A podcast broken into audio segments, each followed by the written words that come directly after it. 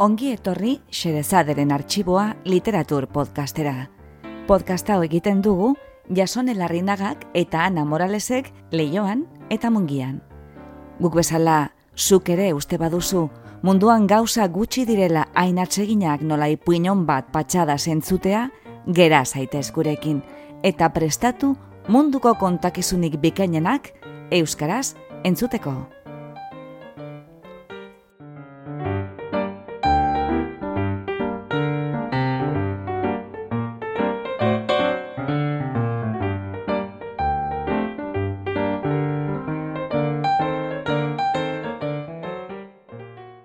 Perpetua Zaraguetaren oroitzapenak. Bigarren zatia.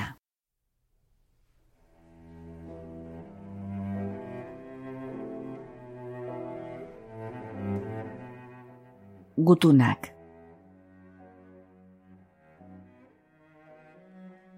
Gaur berean, Juan hain eskutitz alde bat irakurri dut, mile bedratzi egun eta oite sortzitik hasi eta ondar eritasunekoak. Nik idatzi nio Mexikoa mila bederatzi egun eta hogeita maikan eskondu eta fite. Eta erraten nio, nik egiten niola Mexikoa, zerengatik ezagutzen nuen berean aia neurezan arra, eta beldur nitzela etzuela iz bat idatziko nik espanu egiten lenik. Eta berak bere eskutitzan, erraten du, bazuela hogeita zei urte etzuela hitz bat ere idatzi bere arrebai, eta hogeta zei urte zue joan zirela Argentinara. Gaixoa. Non galtzen zute denbora ez idazteko zerbait bedere arrebari. Nik egiten nio alguzia eta eskutiz guzia gordeak dauzki eta denak Euskal Herria goratu seginatire. Bada bat bere aitari galdinez, ia iruritako alkazena, etxe baten izena, ia etxeko Andre beraina den edo salgai den gogotik erosiko lukela eta mutikoek ikasi altzutela okintzen eta bertze langintza aitaren etxean egiten zirenak aspaldien. Erraten zio bere aitari, orduen berak egin zuela arropa garbitzea, arek eginen zuela egin zuen gauza guziak. Oroitzen ze bere herriaz, lurreko xokoik politena bezala, bihotza urtzen zaio bere aitamarekin sola zeiten aizela. Ze eskutitze derrak egiten zituen Juanak, berak eta Jose Luis bere semeak. Ez dut bat ere galdu, denak gordeak ditut. Oroidaitzen nere zei alabek, zei zeba maitagarria izen duten, zein txintxoa zen, eta zein dartasuna zuen bere animan.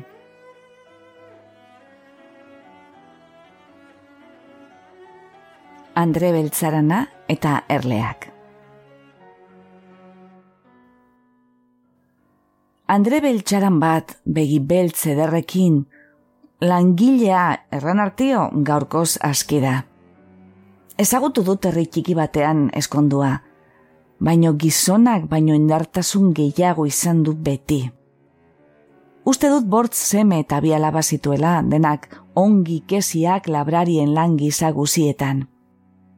Ni oroitzen naiz beren baratze batean eta uden, erleumeak botatzen zutelaik, bi harri hartzen zitue bi eskuetara, eta bat bertzea ikin jos erraten zue. Bil, bil, bil! Eta apal apal erranez biltzen zire espele mutur batera edo gerezi batera edo, bertzelaz, harri mutur batera, eta segido sartzen zire erlauntzara, eta ederki gelditzen zire bertan.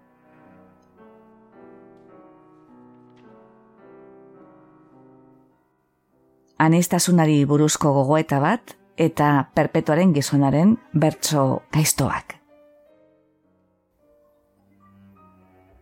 Neroiturak zire bertze batzuk, eta horrengatik zer da?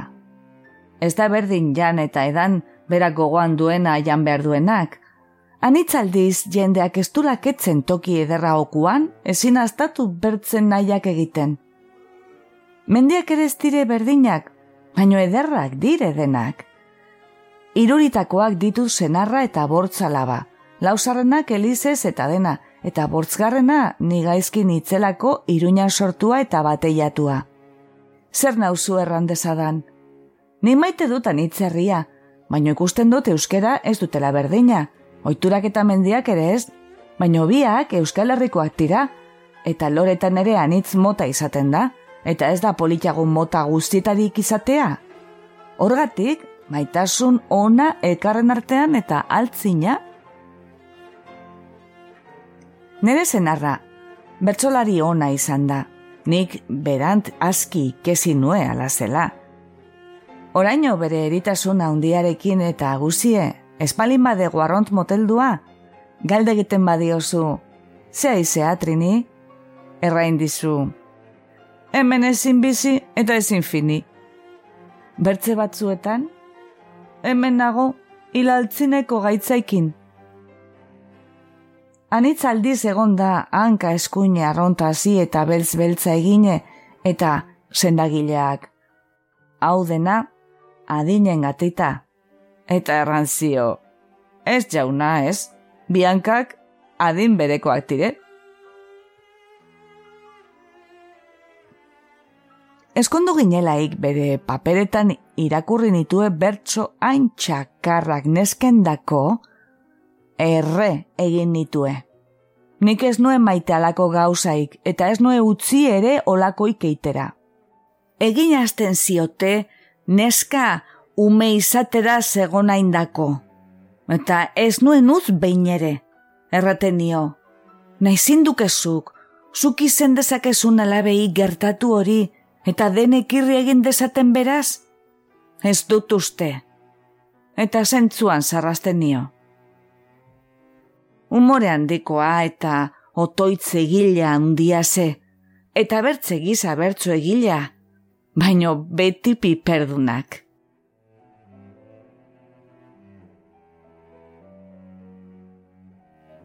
Lehen umea.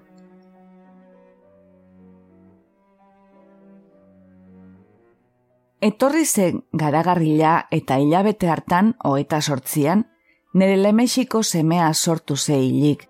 Eta neuroi gutitako gelditu nitze, arront gaizki etorri zelakotz. Naigabe derra hartu gindue denek. Ni esnean hitzekin gelditu nitze, eta arduan etze orain adine gauza esnea gibelatzeko, eta sendagileak manatu zire aur bat bilatzeko eta hasteko, bertzelaz gaizki biliko nintzela. Eta iruñan zen aizpari bilazi gindio eta bertze aizpak ekarri zue eta eramazue hartxalde berean. Aurra inamak izen zituen bibiroak, mutiko eta neska, eta bazuten bertzen neska bat, eta bera gelditu ziren mutikoaikin eta eman zioten neska. Aura ront mea eta ez deusa.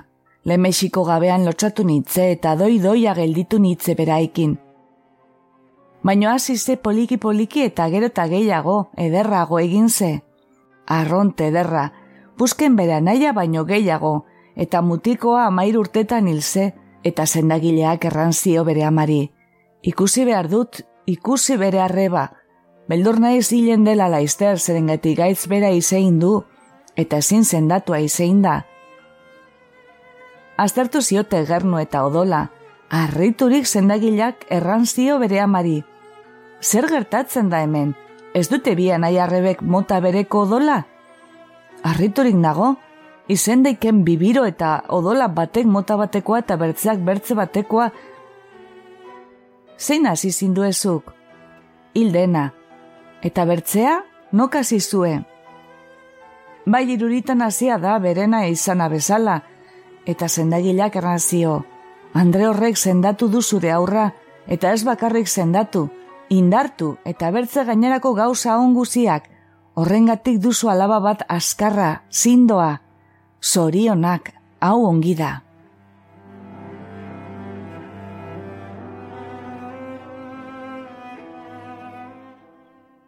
Izeba musikaria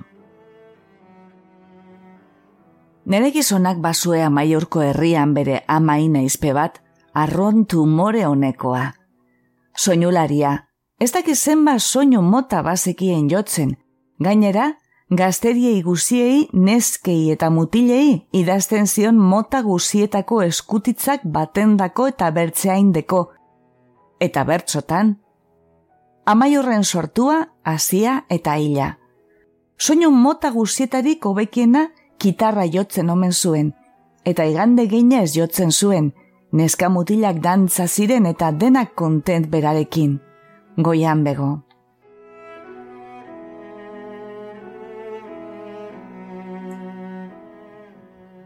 Perpetuak bularra galdu.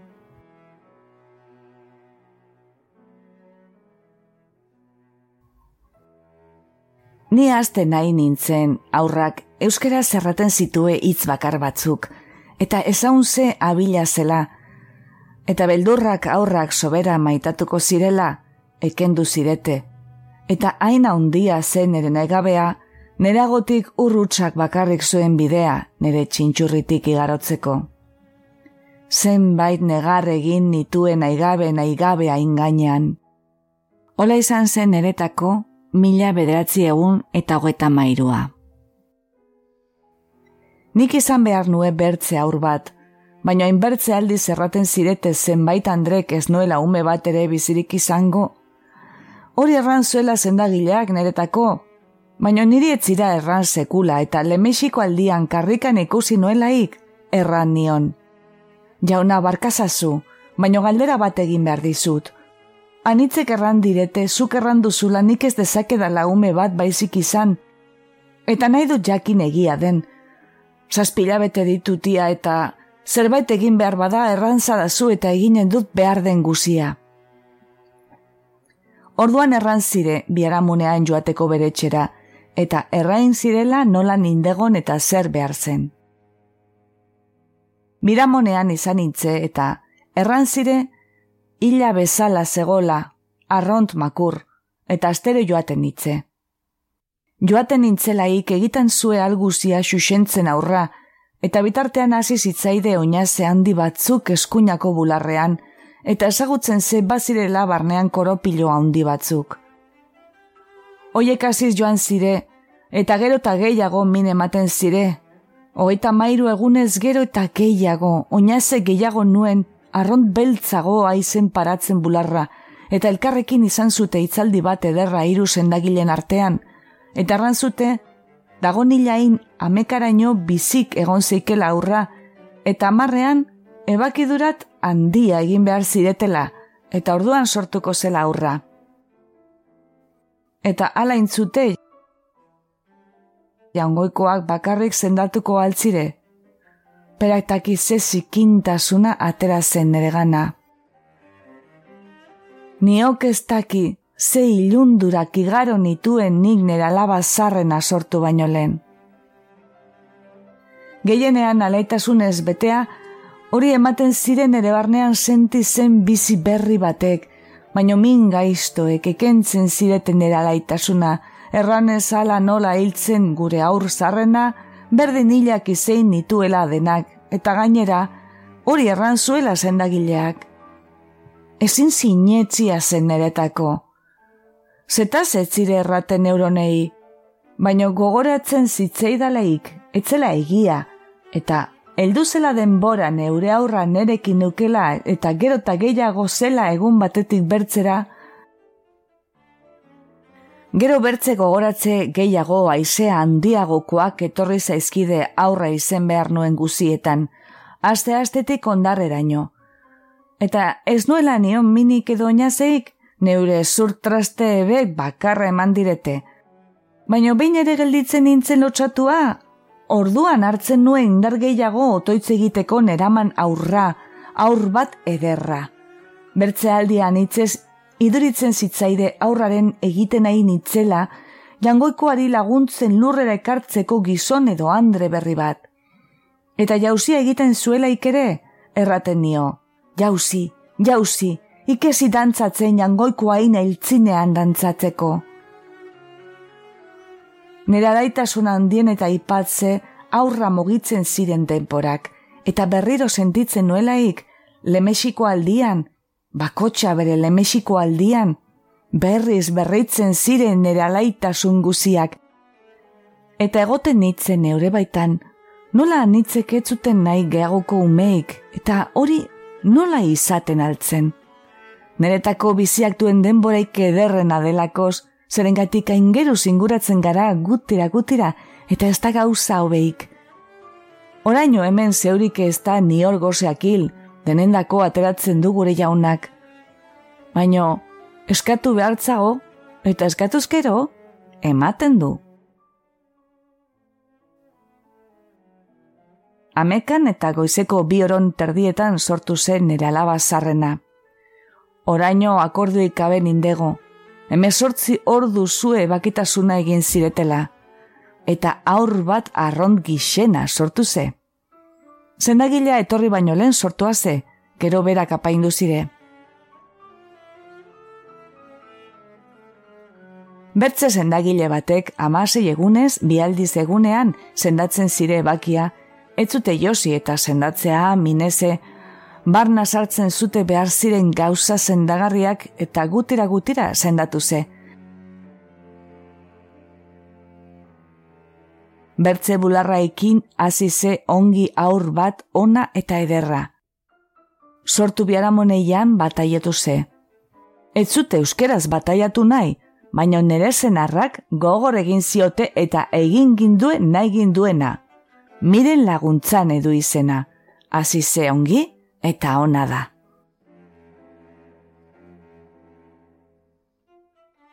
Ez da gizon bat ere lurrain gainean, buru sartu alduenik ama baten bosa handiak aurra berekin duelaik, sortu ondoan berai behidetzen igaro dituen denborak, bularra hartu eta asetzen delaik aurtxo txikia.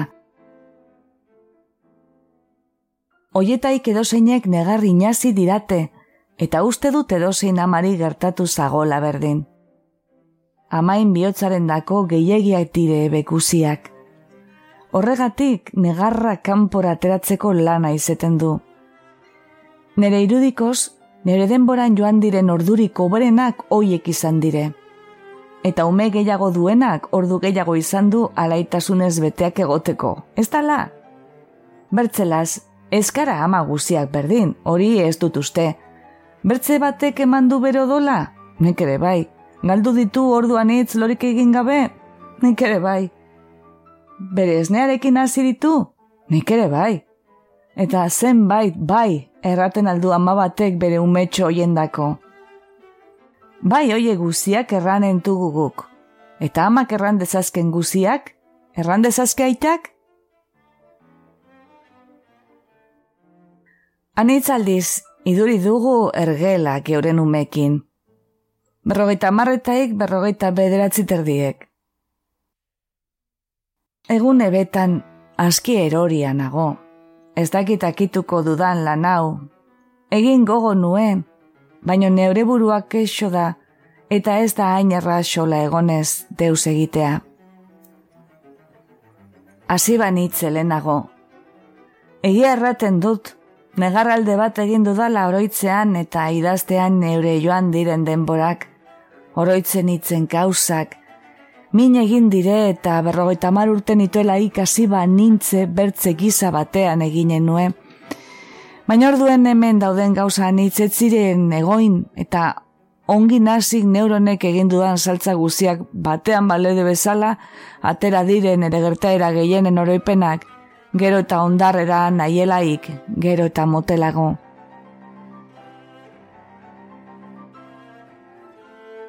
Hasi nintzenetik onat, hasi nintze ez ongi, ez ongi, eta ezin pausu belera eman nago. Eta zer nahi dut?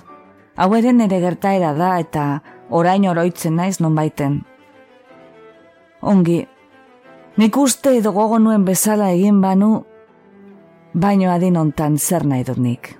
Ongi dago dena, jaungoikoak nahi duena da.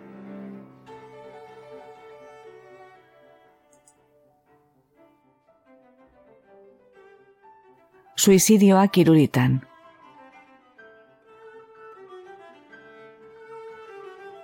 Urte berean iruritako bordetan urketu ziren hiru zeurik. Eta reto nitze ze sinesmena zutenan. Urketzea haiendako ze eritasun bat, haizeak eramaten zuen abatetik bertzera eta urte hartan kokatu ze bordetan. Neskatxa bat gaztea, hogeita sortzi urte. Mutil bat guti gehiagoikin, eta gizon bat berrogeita marretan, gutiz gora bera. Hau eri zen, uste dut minbizia zuela, eta jakin zuela ik zer zuen, korda bat hartu eta fini. Hori izan ze haren aizea.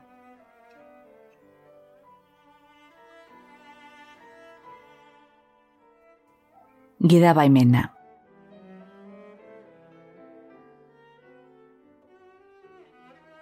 Egun aietari batean eman ziraten neri kartila edo txartela biribila erabiltzeko neuronek. Etxez etxe edo bordaz borda erabiltzen hitze denbora hartan arropa saltzen, bai eta ere bertze gauzatzuk, nire gizona inaita kala naizuelakotz, makea ekin bizitzekotan.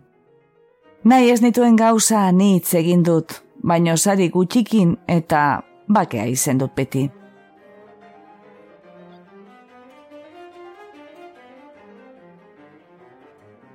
Kasetari lana, astekari eta egunkarietan.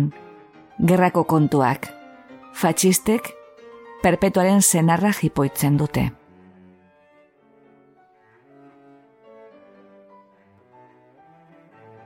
Nik ere, gerra edo gorrotoraino idatzi nue bi egunoro eta bi asterokotan. Orduen usteko lana izan nue. Gorrotoa zizelaik zaragozan zegon neranaia bat Espainiako zerbitzuan, hogeita mabortzkoa ze. Zerbait erran beharrak bazitue, erraten zituen gauzekin beldurrek egoten hitze aitzen bazuten arek erraten zituenak isilaziko zutela. Gerran hartukeko eritasunak eraman zioen mendik zenbat aide lagun aikide joan zire sekulako, ez da ela berri segundaino alakorik gertatu, maite desatela denek eiago elkar. Bastanen zenbait behi eta bere hiltzen zute belaietan jaten ari zielaik, beldurra gendeak ote ziren, urte ikaragarriak aiek. Bitartean, etorri ze tenorea irugarren alaba sortzeko eta epailaren amazazpian sortu ze. Hasi ziralaik joaten ere gizonain lengusinak eta izeba zenbait, denek berdin erraten zute. Oi, oi, irugarren alaba, no ekarri berde zumutiko bat. Nik erraten niote. Niri etzaide batre, anaia aski izan dut, orai, semeik ez izanagatik berdin zaide. Eta zure zenarrai, Arek ere berdin erraten du, beti maiteago izan dituela neskak. Olako itzaldi batzuk izan eta Andrea joaten zira beren etxetara eta ganbaratik atera orduko alabazarrena etortzen zen erondora eta errate zire. Ama, du import neskak izan daitezen denak, hola onditzea ikin, ez dira gerrara joain zure anaiak joan diren bezala.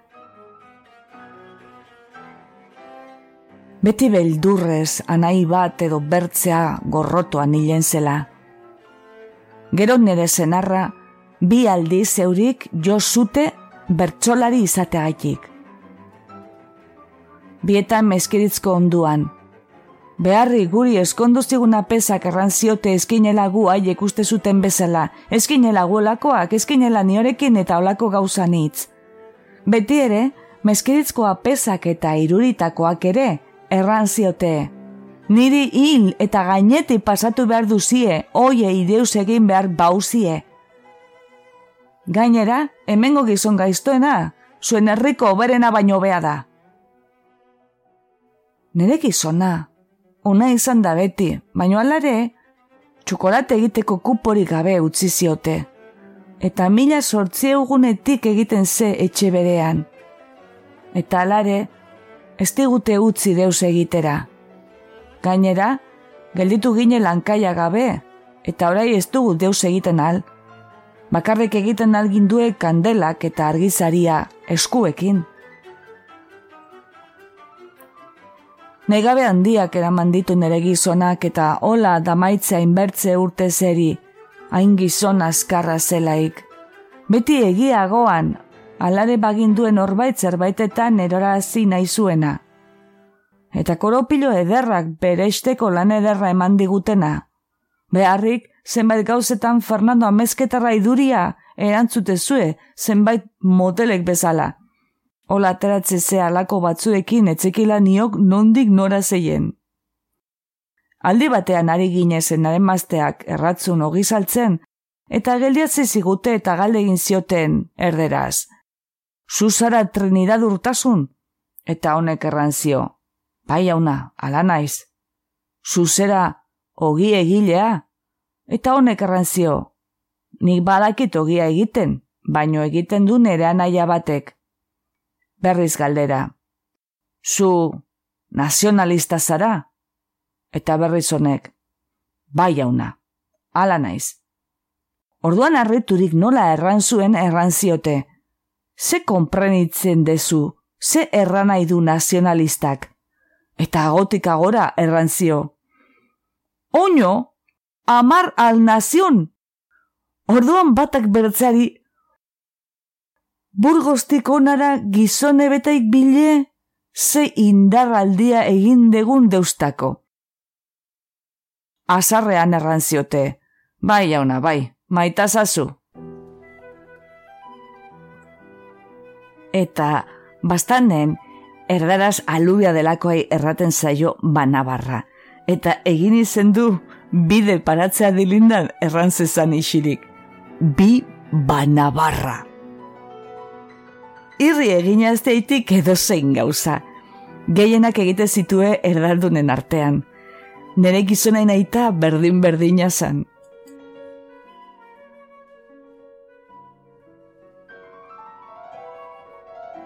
Umeen jaiotzaren inguruko oiturak.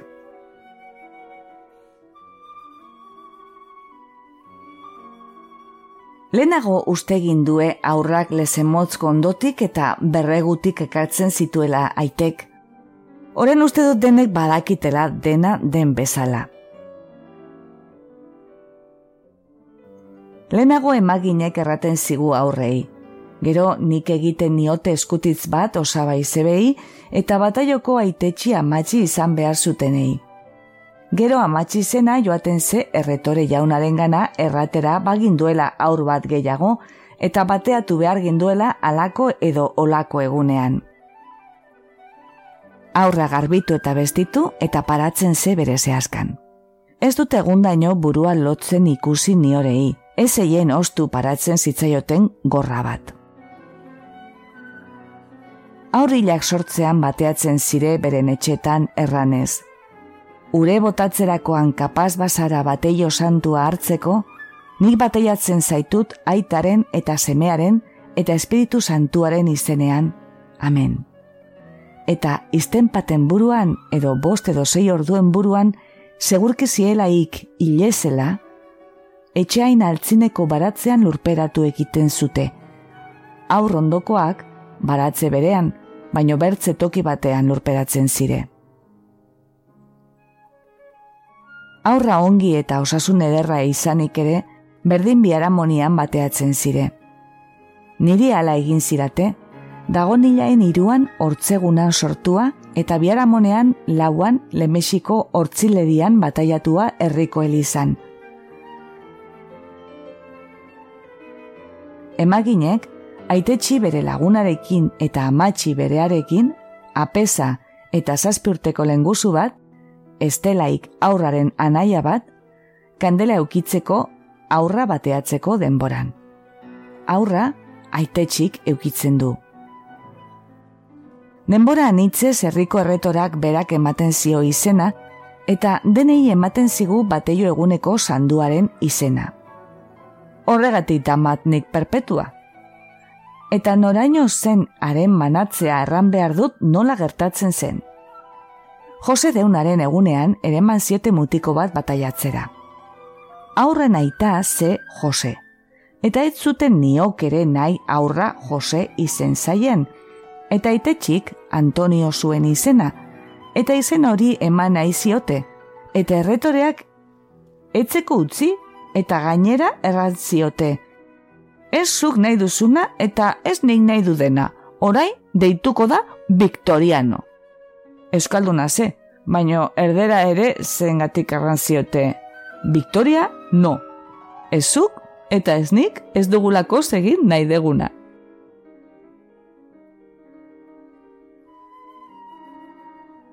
Gehienean bateiatzen da egunain erdian meskirizko elizan eta eguerdian baskaria ongi dago.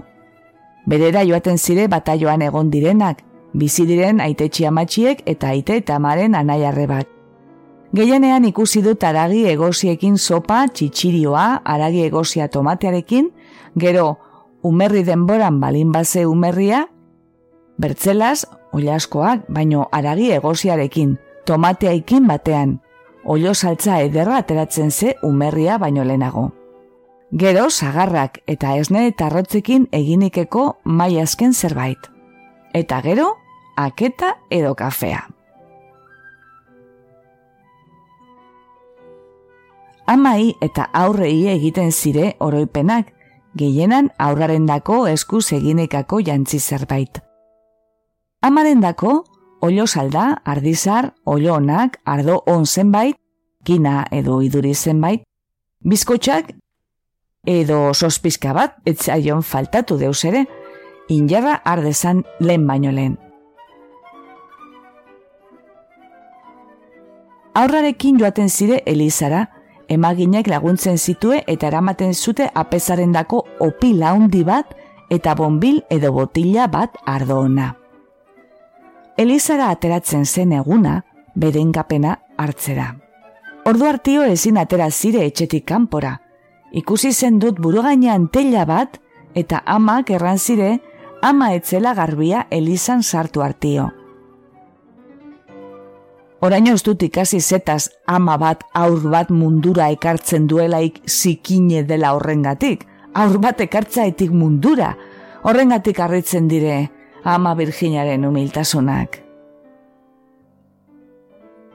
Bate joan egiten da bada baskaria errandu den bezala, ez da gehiagoko lan bestaik egiten. Batzurek eginen dute oroimenak giza batera eta bertze batzuk bertze giza batera. Nere anaia batei bi ardi eman zio bere bateioko aitetxik, orai gehienek urrezko katea edo domina edo medaila urrezkoa ere ematen diote gehienean lemexiko jaunartzean. Uste dut etxe gehienetan besta pixka bat egiten dela urte betetzeko egunean, uste dut oraimen txiki bat egiten dutela elkarrei. Zehazka berdin izan daike zurezkoa nola burdinezkoa, bakotxak bere naia egiten aldu, bada guzietatik hain txikiak dielaik, hobeda zehazkan dauden aratonat erabili gabe, loak azten ditu aurrak. Hortzak aterazteko erraten dute, lau bortzilabete dutelaik ogiko eskorra eman eskura, ere mandezan nagora, fier daienagoa. Solasean ikas dezan, oberena guk egiten badegu, eta soinua kantuekin entzuten balin badute gazteik abesten dute berek eta gero eta gehiago eta hobeki.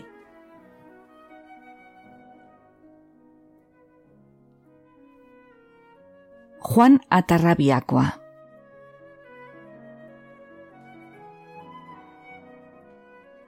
Atxalde batean menditik erraten judu errantea ikusi zutela baskaltzen ari ziela, eta gizon bat larru bat gainetik pasatu zela berak zeuden tokitik, eta ogia eskatu zuela, eta eman ziotela ogia eta gazta.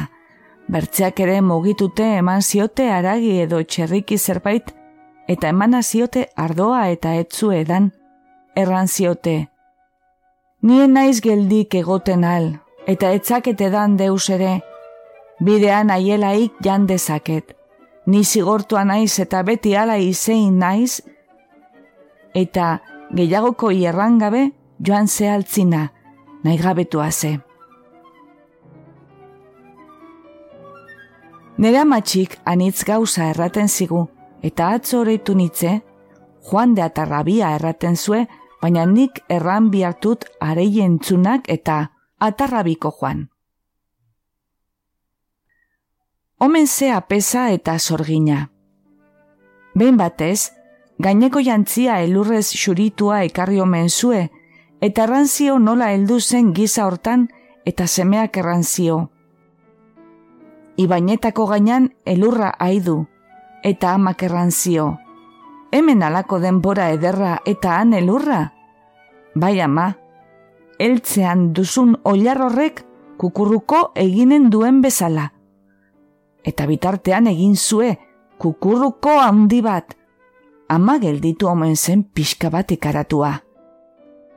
Bertze behin jakin zue, atarrabiko joanek orduko aitasandua arront galtzeko bidean, eta non gogo, anzango, joaten zen aizuen guzietan. Gogoratu zitzaio berdin egin beharko zuela eta ordu berean egin zue eta deitu zue aita zainduain atarian. Eta ateraze gizon bat, eta etxeko ataria edeki eta orduan erranzio.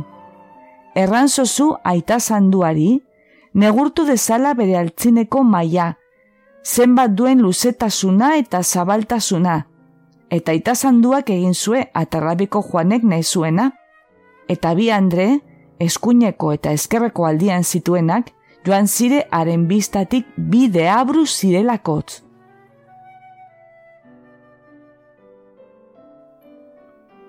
Gehiagoko gauzak erraten zitue, baino gehiagoena bere anime etzuen galdu egin nahi, baino egiten zitue sorginkeria nitz, baino nere amatxik erraten etzuela sekula sorginkeria beltzik egin, denak xuriak egiten zituela.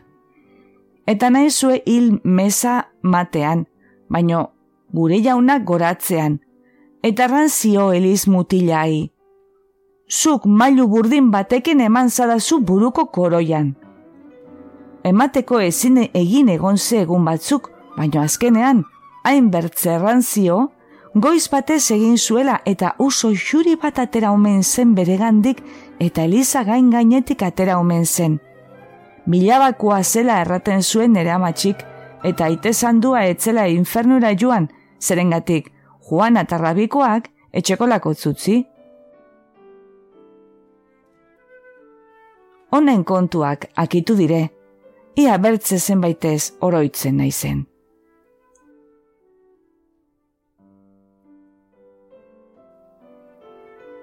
mehatze kontua.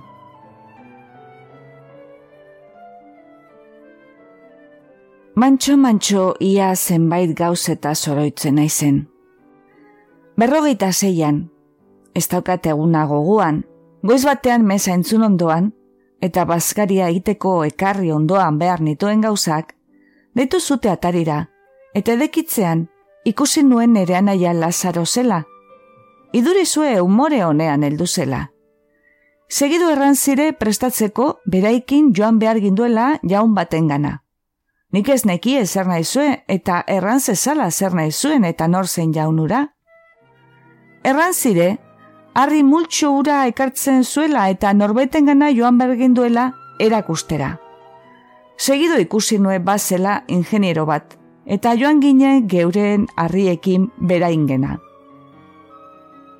Eduardo Markina zena ze eta harriak ikusi zituelaik, arron ongi hartu zigu, eta ranzigu behar zirela aztertu eta tupikia bazuela, eta ikusten bagindu bazuela aski lan egiteko, egin enginduela, baina espazue aski dena bere gizautzi berzela. Orduan izten pat solasean egon beraikin eta igorri zigu aztertutzera. Amar bat egunen buruan bagindaki zer eta zen bat zuen, eta ranzigue gutien gutiena emanez ere, merexi zuela, eta niorei errangabe isil-isila edukitzeko berak lagunduko zigula. Ola lasai daude afera hortaz, baina markina jauna, uste ikutienean, hilze. Eta gelditu gine asilen baino makurrago enuen deus ere gogoan zer egiten alnuen. Berriz etorri zen nerean aia, eta sekula baino indar gehiago ikin zego, eta neke nuen sosik aski kontu hoietan azteko, baino joan nintze donostira, bertze ingeniero baten gana, eta erakutsineko lengo aztertua iruñan egina, baino erran zire, nahi zituela ikusi harriak eta eman nio ere nituenak, baino nahi zitue bertze batzuk naziak neuronek anaiaikin hartu nituen harriak, eta eremeneko eta berriz aztertu zitue. Eta irutik amekara egunen dako eman zue, eta ranzire ze paperak behar nituen salatutzeko eta baten izenean paratzeko, eta sei mila pesta zeurik behar nituela. Neretako etzego hori, baino komeni baze merexizue. Nik jakin nuela ze behartzen, joan itzen neure etxera, meskiritzera, ze behar zen eta noren izenean paratu behar zen, eta bi anaiek ez zuten nahi beren izenetan paratzea, eta sos bat ere ez zuten utzi deustako, eta erran zirete ez kontatzeko berekin deusteko. Eta ni gelditu nintzen bat ina, eta erran nio nikaren izenean paratuko nuela, eta hor konpon, eta erran zire bere izenean ez zuela deus ere nahi. Hola etorri nitze etxera, joan nintzen baino hotzago, ez nekien ora jo, ia paperak ere eginak nitue, baino hain gaizki joan zire gauza guziak, utzirik alde batera nindego, eta uste ikutienean, atxalde batez deitu zire urrutizkinaz nere anaiak, erranez espanoen deitzen donostira salatu behar nuela mehatz berri bat, biera mongo iztean amekak inguru hortan bertze batek eginen zuela eta esparatzekoaren izenean. Nik deitu nue donostira, eta biara mongo iztean joan itzen nere gizonaikin eta paratu nuen bere izenean, eta ni mehatzen paperak egiteko eta sosa usteko tokian sartu nintzelaik, han zeude esno zerriko gizon bat eta meskiritzko mutil bat.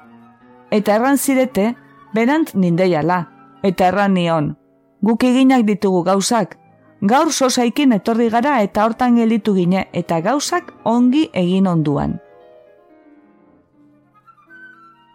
Gero nere anaia azerregon zen ere gizonain izenean paratu nuelakotz, baina sosik utzi gabe ez zuten nahi nere izenean baizik egon zaien.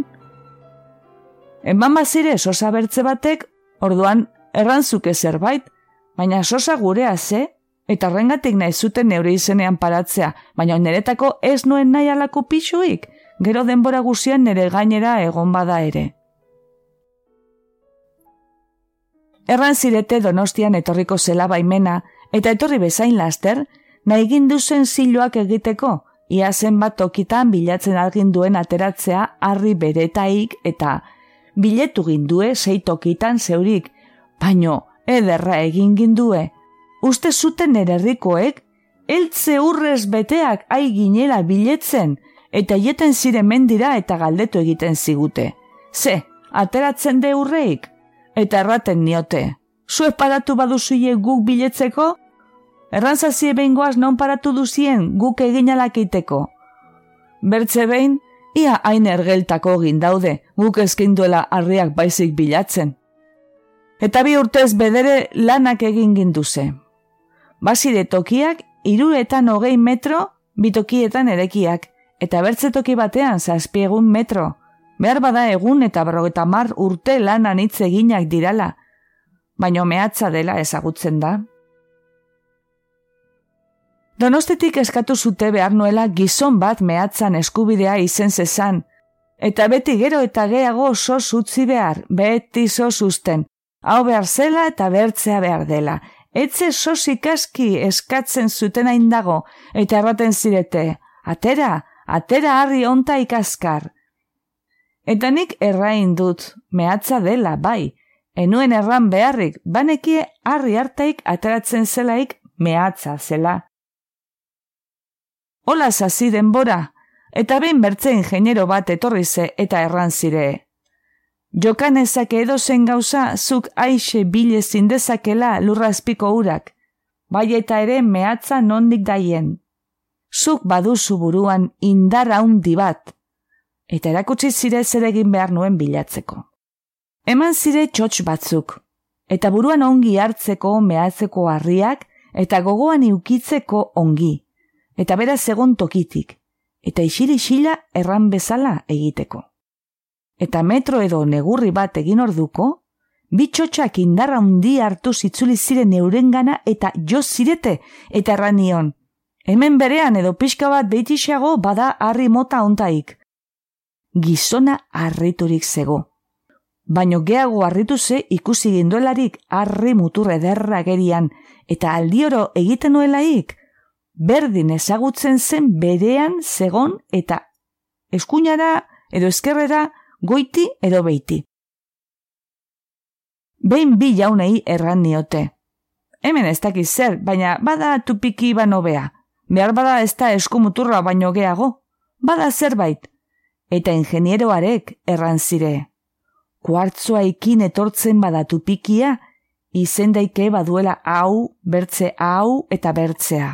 Bortz gauza erran zizkire, eta bat ze iridio deitzen zena.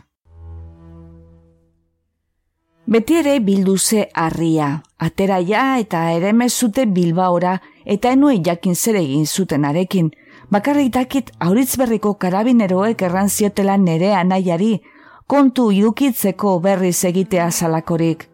Mehatza ekendiko zigutela izpagindue paper batzurik ere maten nahi ginduen tokira. Orduan joan hitze donostira eta ranzirate, haiek etzekitela deus ere alako aferaz, eta ere maten alginduela eta arriandeko ezuela paper biharrik, eta espanu ere man nahiola joateko aziendara. Hori egin nue, joan hitze aziendara, eta berdin errantzirete, eta orduan joan hitze berean zeuden karabinero batengana, eta arek errantzire baietz behar nuela papera, eta egin esteko zuzen nahi nuena. Eta ikusi nuela hi gogo txarra zutela neretako, joan itze neuroi Madridera. Lemisiko aldiz ni agertu nitzela arat, eta laizter erran zidate. Zure mehatza, ona da, sobera traba paratzen dizute. Madriden jakin zuten nola frantzietik ekartzen zuten denbora saltzinetik eta orduan ere tupike aria eta paperi gabe haiek, eta niri hemengo lurrak emanikeko arriandako halako menduriak ongi zeuden gauza hoiek.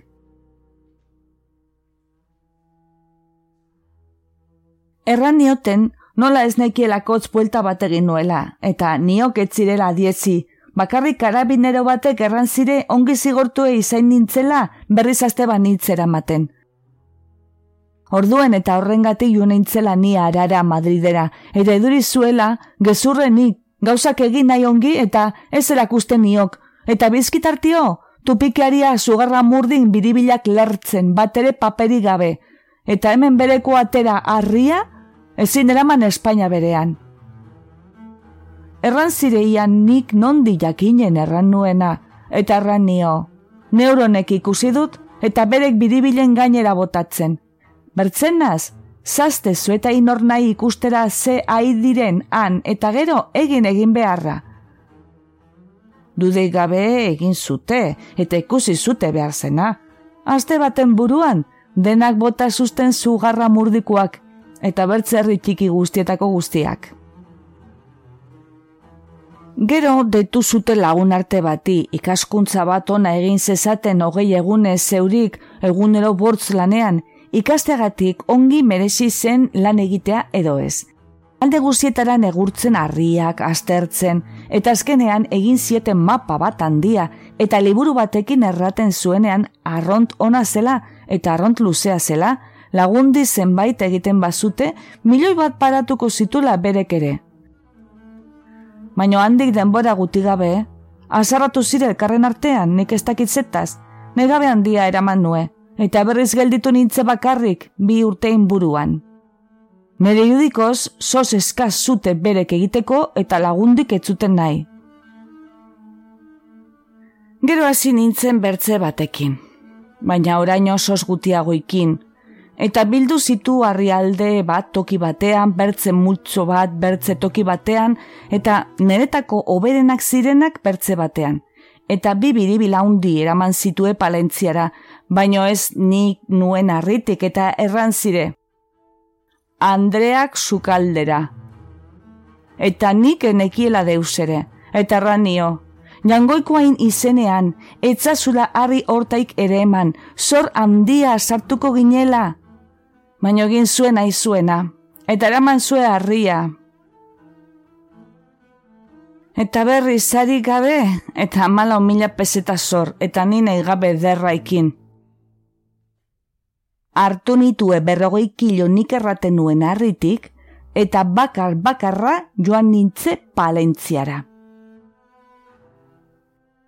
Erraniote nola egin nahi zen harriaen eramatea, eta nola nahi nuen erematen nuen harri hartaik bete biribilak, eta sukaldera ijorri zirela, eta erran ziren. Nik ezagutu nue edo etzekiela batre edo erosia zela. Gainera, zuk ekarri duzun harriak badu amabia zeurik egun aindako, eta berak ekarriak gehiagonak du iruterdi. Eta erran zire, nik ilorriko dizut sot zerbait ekarri aindako. Baina arront guti, eta bota zazu gizon hori zeuren begien altzinetik. Negau hartan gelditu nintzenan, eta biara mongo izan joan nintze mesara, katedraleko elizara, eta ikusi nue obiarrietatik aspaldikoa zela, eta ikusteaitik hango gauzak egon nintzen egun bat gehago, eta ikusi nitu eliza guziak eta ikusgarrik gehienak. Iruñara itzuli, eta egon batzu goiti beti, ilorri zirete bedratzi mile pesta eremen zen arriangatik. Ez dezaket utzi deus errangabe, gizon honek egin ziren akometazioaz, bere bai ustezko arrokeria horrekin bota zituen lurrera nere lan guziak, nere itxaropen guziak, nere sos uste guztiak. Egin bazituen gauzak ongi, lau biribilen harri onaikin aterako gindue bertze lau, eta gutira gutira aterako gindue geuren buruak putzutik, eta etzue niok irrik egingo geugaitik, baino bera izan ze irri gehiagoena egin zuena. Hori eta hori idurikeko anitz izan dut, denak gaizki erakutsiko gizonen gatik. Ikusi dute beren etxetan zein guti erakutsiak ziren beren arrebak, eta giza hortan uste zuten itzelan ni, eta nik pusken ere berak baino gehiago banekie. Ez nere abiltasunaz, baino bain nere ikasteko nahi handiak egin zuten ere jakindura. Oraino neure berrogeta mar urtetan egin nahi nue eta gogotik geografia deitzen dena, eta gero geologia edo mehatzetako ingenieroa. Baina ongi eginak. Enuen zerekin alde batetik eta bertze batetik neure umeek ama nahi zute. Eta oraino ama badute jaunari eskerrak. Baina ederki zigortu ziren mehatzonek. Eskutan eduki ginduelarik dena, garbi asko erran nio. Hau da arrontona, hau eraman behar da, baino bere arrokerian erran zire. Andreak sukaldera. Eta hori iduki dutan itzten boraz belarrietan. Eta gogorazi dire, gauza anitz. Zeta sasi behar dira mutikoak giza batera eta neskak beste batera hori gauza itxusia da. Ez dira biek berdin? Lehenago mutikoak eskolara eta neskak lanera. Arront gauza iluna zen hori. Eta orain oroitu naiz, nire amatxik maiz askierraten zue, jaungoikoak utzi sekolai munduari bere eskubideak, gizonak hartu zituela, eta gizonak denak makurtu zituela. Berdin lege gizonak nola eliz gizonak. Berek zerbait gaizki egiten bazute, denak Andrea ingainera. Bekatua ere, beti Andrea ina, gizona erortzen ze Andrea ingatik. Manatzeko beti gizona eta Andre gaixoa beti obeditzen. Hola, jangoikoa pakarritak izen bat urte joan diren giza hortan eta orain hasi dira Andreak idatzartzen. Guartu dire, jaungoikoaren amar mandamendutan, ez tagola batean ere hau Andreintzat eta bertze hau gizonaintzat. Denak denentzat, eta ez du erraten ere, hau ikasi behar dute mutikoek eta bertze hau neskatzek. Denak jendeak kara, eta jende bezala zi eta erakutsi behar da, zerengatik jendea bezala bizi behar dugu hilartio. Lehen etxe bereko neska mutikoak eskolatze zire giza hontan. Biek alorrera edo mendira, eta etxera itzul zielaik, neska etxeko lanetan, eta mutikoa afaltzera eta jostatzera bertzea nahi aikin. Eta gutira gutira, azten dire, beren haunditasuna ikin batio. Hala, nola makurtzen diren gizonain legeak.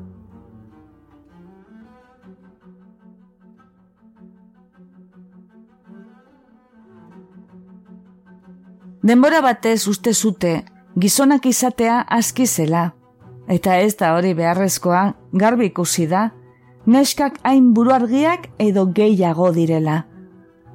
Ez dela lanik, Andreak egiten dituenak, gizonak egin ez dezazkela, eta Andreak ere egin dezakela gizonak egiten dituenak. Orduan, ze zaio gizona bere Andreari laguntzea etxeko lanetan? Etxea ez da berea? Edo bere umeak ez dire hain bereak nola bere andreainak? Lehenago, haitu izen dut, etxe batean ume batek egin behar bazue karrera bat, ure beti zemutikoa, gehienean bigarrena. Anitzaldiz, apesa. Neskendako etzela liburuik, etxean etzeko tela usten irakurtzera. Hori nik ez dut ezagutu eskondo hartio. Orduan fite guartu nitzen ere senarrak, etzuela nahi desengatik ere nik irakurnesan, baina nerekin guti balietu zaio. Irakurri dut nahi du den guzia eta berai ere ikasea zidio zekien baino keixago. Hori, bastandarra delaik. Eskondu baino lehenago, erraten dire gauzek, ze maite duen eta zerez, eta orduan bakotxak hartzen du edo usten du. Orduen, badago denbora oraino, eta ezkero. Mehatz kontuetan indego, eta gizon sukaldera igortzaile horreken hasi naiz. Eta gauza hoiekin joan zaide denpora, pusket nazi ditut gauzak, baino banuaie berriz lehenagokora.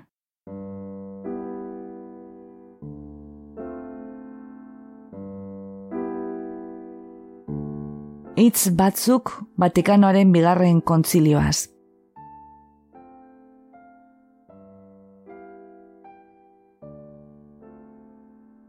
Kontzilioa aspaldiko beharra ze. Badu hiruetan hogei urte zeurik, nere amak erraten zue. Oraiko kristautasuna anitzi duria zela kristoin denborako juduei.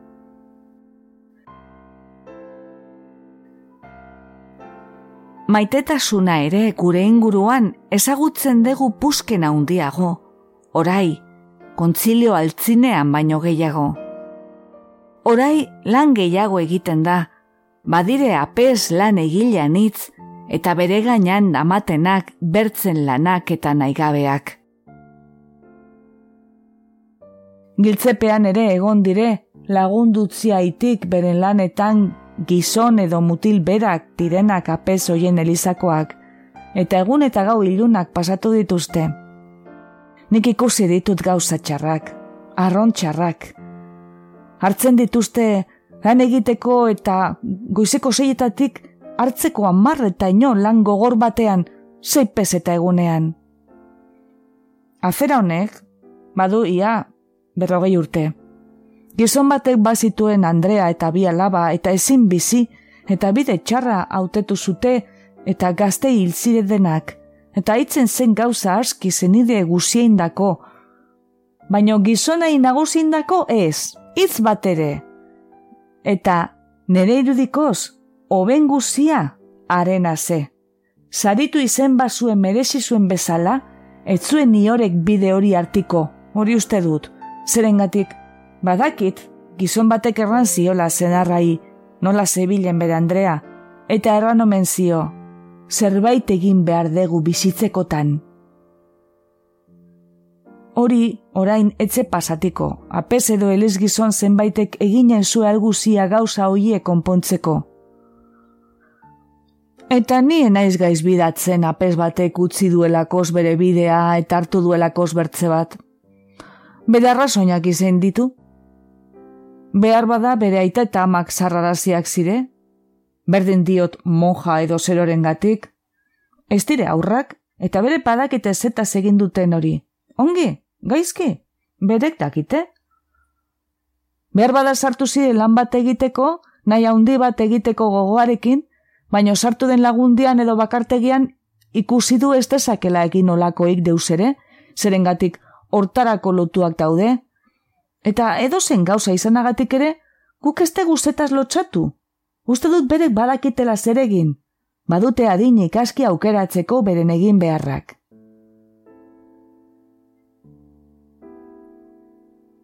Baditu gauza hobeak ere, kontzilioak, egun oro ongi heldu direnak. Geuren denbora guzian egon gara elizako toitzak latinez egiten, jakin gabe zer erraiten ginduen. Baina orai bertzerita, Euskaldun herrietan euskeraz, erdaldun herrian erderaz, eta denei pakotxari berean. Hori da eder, denek badakigu zerraten dugun geuren otoitz guzietan, gure euskera edo erderan egiten ditugulakoz, eta batean edo bertzean badakigu zer erraten dugun. Euskeran nahiago baldin badugu ere. Itzaldiak, evangelioa, Jesusen aratonat guziak, otoitzak, abestiak, denak euskeraz, hori da polit. Nere ustez, oraino bada jendan itz, nahiago duena latinez, espaldin badakite deus ere. Iruritako retori jaun batek, erran zue itzaldi batean, bazirela zeinbait ama birginain letanian, erran beharrean, stela matutina, erraten zutela, espeletako martina. Eta turriz Davidika erran beharrean, erraten zutela, tu esa bidika. Eta hobezela, deus ez erratea oietaik, euskera zekien otoitzak egiteko eta usteko bertzeak. Gixagoa. Arei ere, ongi iduriko zitzaio kontzilioko gauzak, neure irudikoz denak.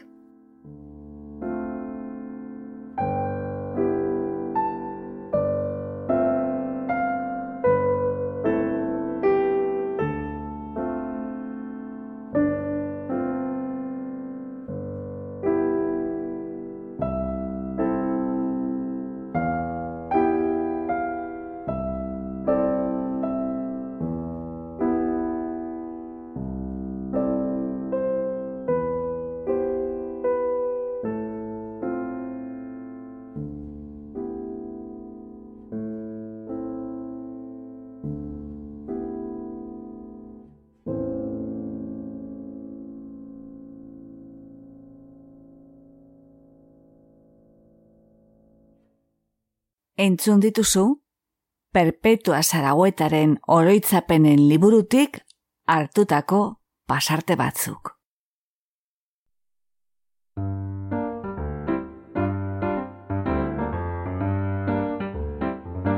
Xerezaderen artxiboko atal bat entzun duzu. Gure doinua da Charleston Behind the Attic Door, Dance of the Wind taldearena. Bizitatu gure bloga gure audioak deskargatzeko edo online entzuteko. Iru xerezade.org Xerezade, isaz idazten da gogoratu. Eta ezaztu iruzkinak ustea. Podcast hau egiten dugu jasone larrinagak eta ana moralesek leioan eta mungian. Xerezaderen artxiboko atal guztiak emititzen dira Bilboiria irratian eta Arrosa zarean. Mila esker gurera hurbiltzeagatik. Gustora egon bazara, erdu urrengo batean ostera ere, xerezaderen artxibora. Laster arte!